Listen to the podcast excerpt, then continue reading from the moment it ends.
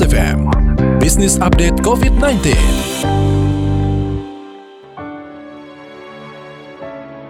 Mitra bisnis, COVID-19 memporak-porandakan tatanan bisnis yang ada. Selain kesehatan, dampak terhadap ekonomi dan kehidupan sosial bermasyarakat berubah drastis. Pelaku usaha mengencangkan ikat pinggang, bahkan menghadapi dilema PHK, atau paling tidak untuk bertahan hidup.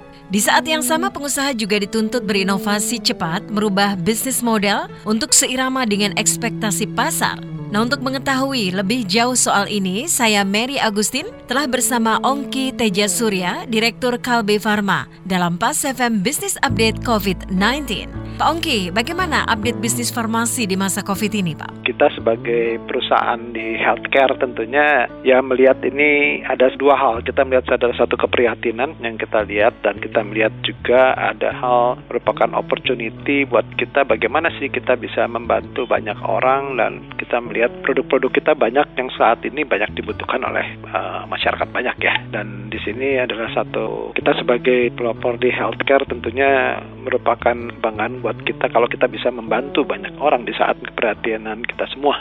Dan kita lihat hampir semua di bisnis rata-rata kan ada sisinya uh, bisnis yang slow down seperti kita lihat pariwisata itu menjadi satu hal yang turun tapi tentunya kayak bisnis online, bisnis uh, transportasi logistik, kemudian healthcare saat ini memang sedang meningkat ya karena tentunya dengan kebutuhan-kebutuhan masyarakat yang yang membutuhkan. Bagaimana juga mengatasi banyaknya permintaan produk farmasi untuk saat ini? Ya kita ingin berusaha sebisa mungkin memenuhi ya seperti produk-produk uh, vitamin-vitamin kita, suplemen, vitamin, obat-obatan. Sekarang kita berusaha untuk memenuhi. Cuman pada dasarnya saat ini karena kebutuhan yang begitu besar, kemudian kita lihat juga bahan baku relatif terbatas karena sebagian juga ada import yang kita harus import dari luar sehingga ini yang merupakan dilema buat kita di satu pihak kita perlu memproduksi untuk memenuhi kebutuhan permintaan tapi di satu pihak kita belum bisa memenuhi secara maksimal karena bahan baku tidak semua kita bisa produksi di lokal. Jadi sampai sekarang misalnya produk-produk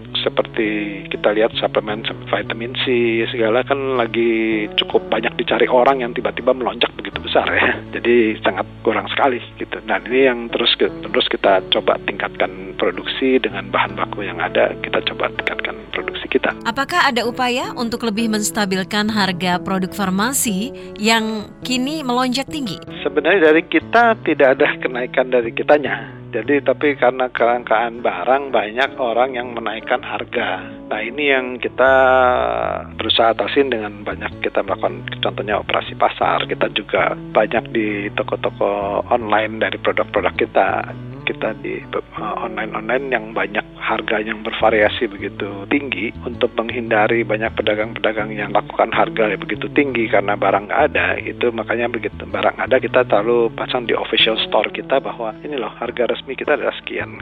Dan kita berusaha mensuplai dengan dari seluruh cabang-cabang kita karena kita distribusi kita cukup luas. Kita berusaha mengadakan semerata mungkin operasi pasar dengan harga sesuai dengan harga resmi kita ya. Ini yang kita sementara kita kita lakukan. Di masa ini penjualan bisa naik berapa kali lipat tuh Pak? Tergantung produknya ya, tapi rata-rata ya bisa dua tiga kali lipat daripada kebutuhan yang ada ya. Tapi itu kan baru kira-kira Januari Februari sebenarnya masih belum terlalu terasa, mulai terasa sejak Maret ke sini ya. Prediksinya kapan situasi pandemi ini akan membaik? Wah kalau itu sih belum ada yang bisa memprediksi ya, dan kita harapkan sekarang dengan program pemerintah untuk selalu tinggal di rumah, kita berusaha menghindari uh, distancing segala kan itu adalah untuk mengurangi perkembangan-perkembangan yang ada dan kita harapkan secepatnya itu bisa mulai berkurang ya. Tapi sampai kapannya sangat bergantung kepada kondisi kita semua ya dan memang sampai sekarang hampir semua perusahaan-perusahaan farmasi memang sekarang ini adu cepat dengan berlomba untuk menemukan vaksin, menemukan obatnya karena sekarang ini kan belum ditemukan obat yang benarnya ini apa dan tentunya kan kalau menemukan yang tepat kan dibutuhkan satu clinical study kita mesti adakan uji klinis. Nah, itu baru dengan tepat baru ketahuan. Tapi di beberapa negara kan juga termasuk kita di Indonesia juga kita mencoba beberapa uji klinis mana sih yang paling tepat untuk terapinya. Nah, pasca wabah corona ini, ada yang memprediksi juga akan ada the new normal dalam kehidupan sehari-hari maupun dalam berbisnis. Apakah benar begitu, Pak? Oh iya, pasti. Itu sudah dipastikan dengan perubahan-perubahan ini memaksa kita semua untuk berubah ya. Dan kebetulan kayak contoh di sekarang perubahan yang ada dengan semua di rumah, itu kan perubahan online bisnis luar biasa. Dan itu yang tadinya kita sulit untuk berubah ke sana, tiba-tiba dipaksa berubah. Yang paling gampang contohnya di dalam ekosistem kita di KLB kita punya contohnya telemedicine, kita punya klik dokter, kita punya Calcare atau KLB Store yang selama ini uh, kita lakukan secara online dengan e-commerce kita. Dan yang paling simple tadinya orang susah nggak terbiasa melakukan telemedicine konsultasi dengan dokter secara online. Tiba-tiba sekarang wah luar biasa gitu.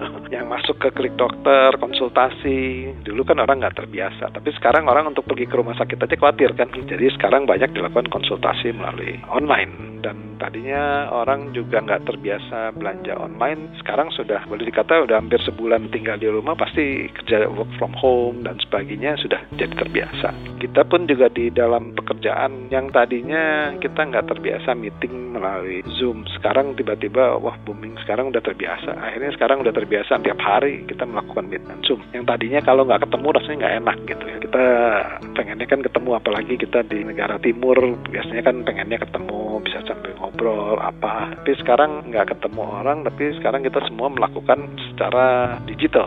Tapi makin hari akhirnya kita melihat eh oh ya bahkan bisa menghemat waktu dan energi juga. Karena kita bisa lakukan satu meeting sekaligus di beberapa lokasi tanpa kita harus buang waktu untuk datang dan bertemu. Dan ini adalah saya lihat akan ada perubahan-perubahan yang luar biasa dan dokter-dokter juga demikian. Yang tadinya dia praktek pasiennya begitu banyak tiba-tiba pasiennya nggak ada yang datang. Nah kalau dia mau survive mau nggak mau dia akan terjun masuk ke praktek secara online. Kalau nggak gimana dia? Mau berkonsultasi dengan pasiennya. Nah ini kan mau nggak mau merubah pola-pola cara kerja maupun pola hidup kita ya ke depan setelah COVID ini. Demikian Ongki Teja Surya, Direktur Kalbe Pharma dalam Pas FM Business Update COVID-19. Saya Mary Agustin.